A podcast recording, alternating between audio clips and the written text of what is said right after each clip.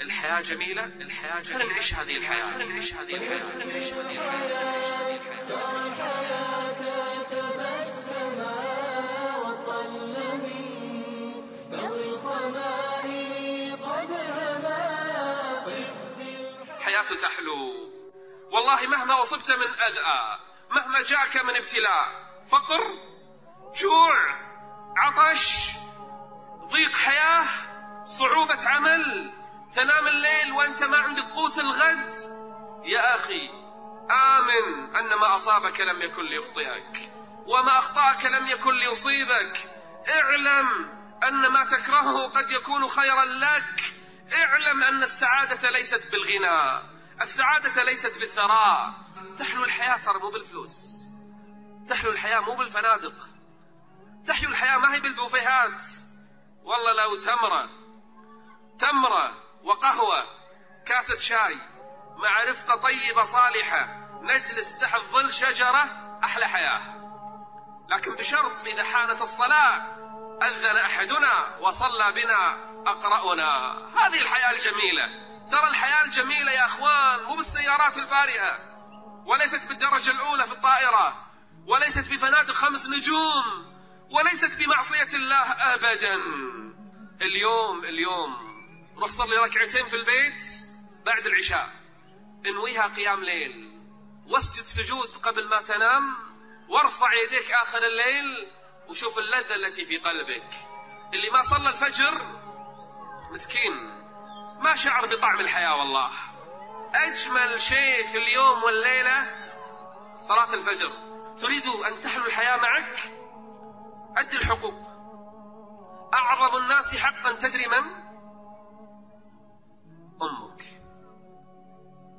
أدي الحقوق. أول حق أمك. رقم اثنين أمك.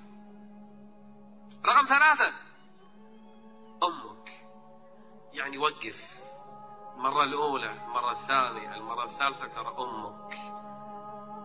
أنا أحزن ويضيق صدري إذا علمت أن واحد من الألوف الطيبة الصالحة اللي جاية تحضر محاضرة.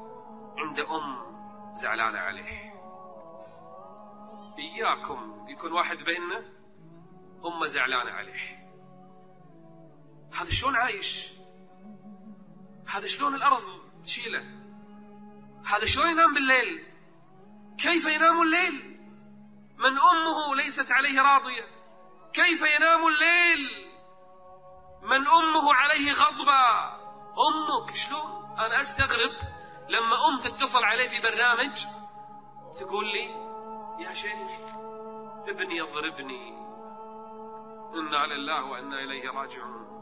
هل تعلم فجورا في الدنيا كهذا الفجور؟ ظلما في الدنيا كهذا الظلم.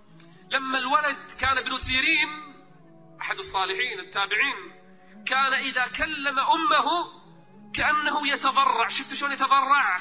يتذلل. كان بعض الصالحين إذا كلم أمه ما ينظر إليها أدبا. ما ينظر إليها أدبا. وكان ابن المبارك ما يأكل عند أمه. يقولون ليش ما تأكل؟ يقول أخاف. يدي تسبق إلى لقمة أمي نظرت إليها. تبي تحلو الحياة؟ راضي أمك وأبوك. والله بدعائهما تحلو حياتك كلها. وتسعد بحياتك كلها. حتى لو ماتوا أحسن إليهما. حتى لو مات الأب وماتت الأم أحسن إليهما شلون؟ للأسف بعض الناس أمة ماتت من سنوات نساها. أين الدعاء؟ أين الصدقات؟ أين عمل الخير لها؟ نسيت. أمك تنساها. تبي تحلو الحياة؟ أحسن إلى الناس. ابحث لك عن فقراء عن محتاجين عن مساكين عن أيتام. وقسما بالله لو قلبك صخر يلين. أقسم بالله لو فيك قسوة داخل قلبك وظلمة مسح رأس اليتيم والمسكين يزيل القسوة والظلمة هذه كلها.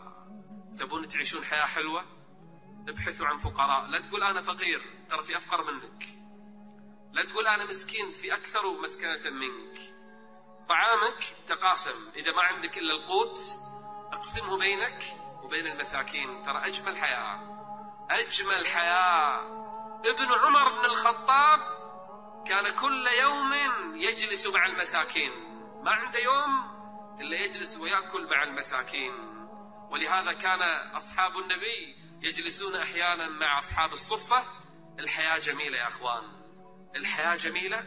خلينا نعيش هذه الحياة. لا تحمل نفسك فوق طاقتها. اعلم ما أصابك لم يكن ليخطئك. لا تقول أنا مهموم أنا مغموم أنا تعيس أنا ما عندي أنا أبواب مسكرة. لا تعيش حياة التعساء. قول الحمد لله.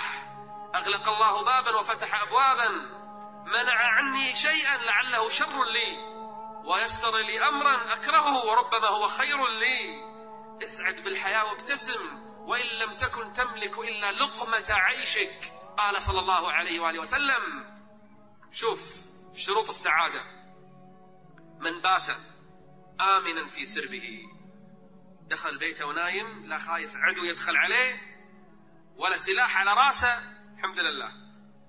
من بات آمنا في سربه معافا في جسده. ما يتألم ما يتألم يصارخ من الألم. حتى لو في مرض الحمد لله. مشي حاله. معافا في جسده. عنده قوت يومه. اليوم نام وهو شبعان بكرة مو شرط. ثلاجته فاضية لكن ما نام وهو جايع نام الحمد لله شبعان. عنده قوت يومه. تعرف من هو؟ فقد حيزت له الدنيا بحذافيرها. هذا أسعد الناس لو كان يعلم أحبابي. الدنيا كلها مسيرة بقدر الله جل وعلا. لا تتعب نفسك ولا تعيش القلق ولا الخوف. بعض الناس هذه ليش تعيس؟ عنده خير الخير يكفيه سنة كاملة. لكن يقول أنا أخاف على عيالي بعد عشرين سنة وين راح يعيشون؟ والله يفكر بعد عشرين سنة. يا أخي خلاص بس. أنت عايش يومك سعيد؟ تقلق على بكرة. رب العالمين ما من طير ولا حشرة إلا يرزقها جل وعلا. ابذل ما عندك وادع الخلق للخالق واترك الأمر لله وفوضه. هي الدنيا ورب البيت تفنى.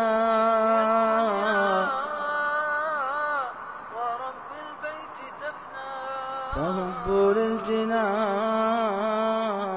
مشمرينا هي الدنيا ورب البيت تفنى.